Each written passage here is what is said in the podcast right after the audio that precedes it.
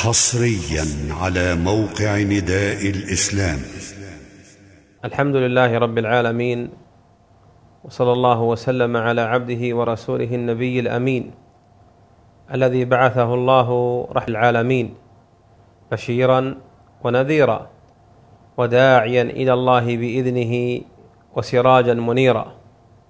نبينا وسيدنا محمد بن عبد الله صلوات الله وسلامه عليه وعلى آله وأصحابه ومن سار على نهجهم واقتفى أثرهم وسلم تسليما كثيرا.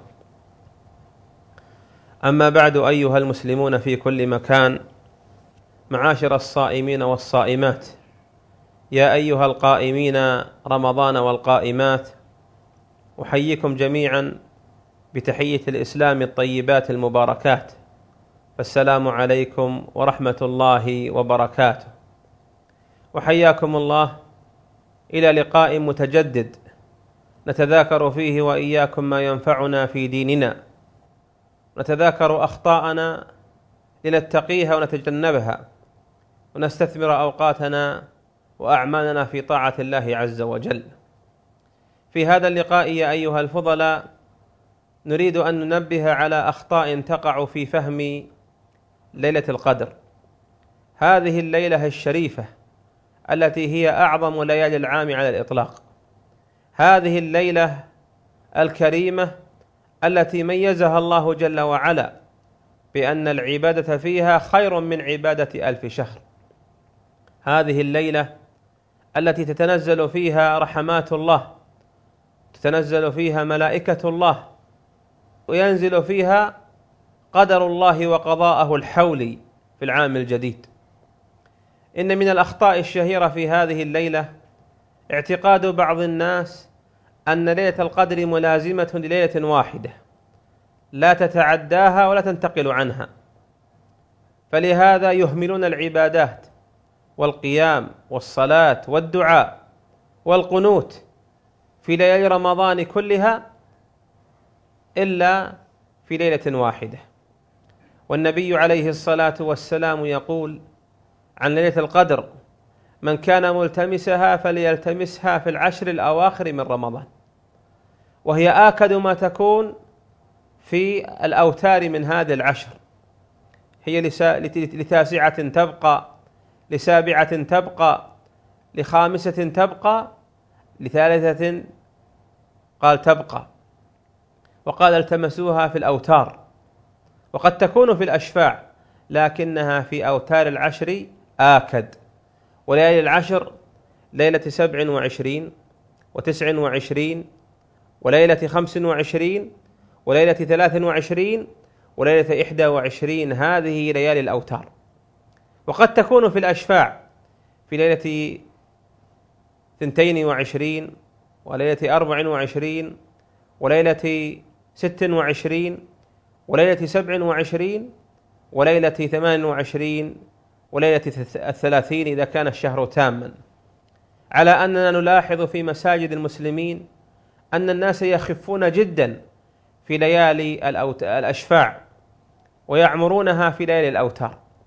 وهؤلاء فرطوا على أنفسهم تفريطا عظيما لأنه قد تكون الليالي ليلة القدر في ليالي الأشفاع.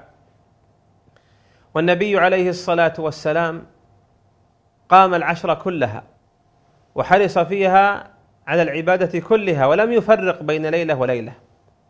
نعم جاء أن آكد ما تكون في العشر آكد ما تكون لا على جهة التعيين مئة بالمئة وإنما على جهة الآكدية أنها في ليلة سبع وعشرين.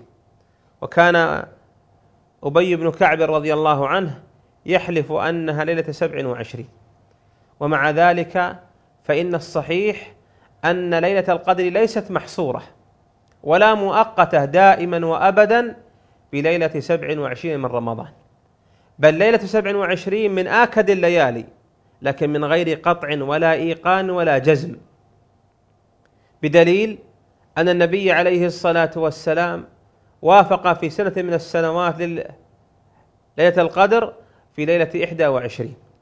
قال عليه الصلاة والسلام لما اعتكف مع أصحاب العشر الوسطى قال من كان منكم متحريها فليتحرها في العشر الأواخر. واعتكف العشر الأواخر. وقال إني أرى أريت في المنام. أري عليه الصلاة والسلام رؤيا أنه يسجد في صبيحتها في ماء وطين. فأصابهم مطر ليلة إحدى وعشرين. فصلى عليه الصلاة والسلام صلاة الصبح وصلاة الفجر من إحدى وعشرين وفي في المسجد أثر الماء والطين من المطر. قال أبو سعيد الخدري رضي الله عنه فرأيت أثر الطين في أنفه وفي جبهته صلى الله عليه وسلم. وهذا يدل على ما ذهب إليه المحققون من العلماء وهو القول الراجح الصحيح أن ليلة القدر غير ثابتة في ليلة واحدة. لا سبع وعشرين ولا خمس وعشرين ولا ما قبله ولا ما بعدها وإنما هي ليلة متنقلة. تكون في العشر متنقلة بينها ليتحرى المسلم الاجتهاد بالقيام والدعاء والقنوت والصلاة في جميع ليالي العشر. إن من الأخطاء الشهيرة في تحديد هذه الليلة تعويل بعض الناس المتأخرين في هذه الأزمان على تحديد هذه الليلة برؤية المنام. فيرى راء رؤيا ثم يسأل عنها معبر. وقد يكون هذا المعبر ممن يتخرص فيحكم بظنه ورغبته. أو يكون هذا المعبر والعياذ بالله ممن يستعين بالجن في تعبيره. وهذا موجود لأن الجن يعينون أولياءهم على الإخبار عن المغيبات وهذا من ذلك. فيسأل المعبر فيقول إن, إن رؤياك تدل على أن ليلة القدر ليلة خمس وعشرين أو ليلة جمعة أو ليلة سبع وعشرين أو قبلها أو بعدها.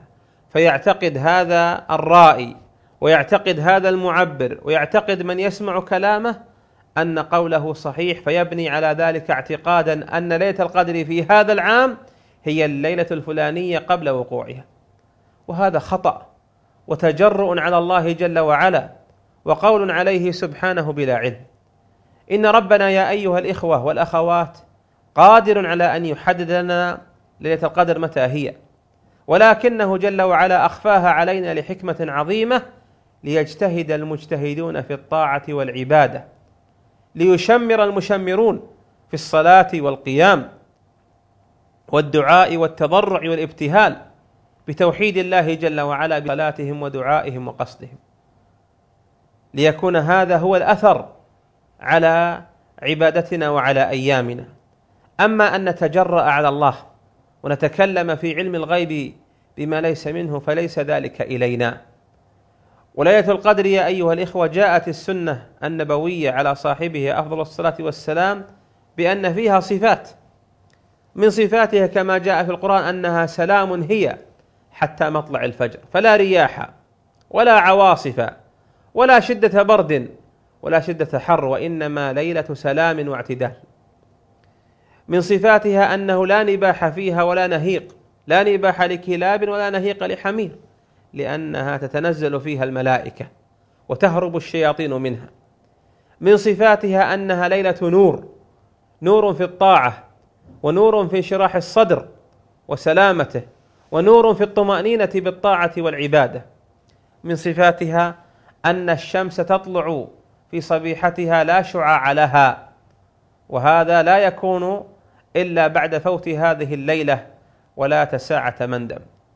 فاحرصوا يا رعاكم الله يا معاشر المؤمنين والمؤمنات احرصوا على قيام شهركم كله ولا سيما العشر الأواخر منها العواشر العشر الأواخر منه كلها ولا تفرطوا في ليلة من ليالي أشفاعه ولا أوتاره. فإنكم إن قمتم ذلك كله بشمان والاحتساب والتوحيد وصدق الرغبة مع الله وطلب ثوابه فإن الله يجازيكم وهو أكرم الأكرمين أن يغفر لكم ذنوبكم وأن يدرككم ويحصلكم هذه الليلة الشريفة. نسأل الله أن نكون وإياكم ممن أدركها وممن وفق إلى قيامها إيمانا بالله واحتسابا للثواب عنده لا لأحد غيره. إنه سبحانه جواد كريم. وهو سبحانه الغفور الرحيم. اللهم صل على محمد وعلى آل محمد كما صليت على إبراهيم وعلى آل إبراهيم في العالمين. إنك حميد مجيد. وسلم اللهم تسليما. والله تعالى أعلم وأجل وأحكم. وإلى لقاء آخر. والسلام عليكم ورحمة الله وبركاته. تم تنزيل هذه المادة من موقع نداء الإسلام. www.islam-call.com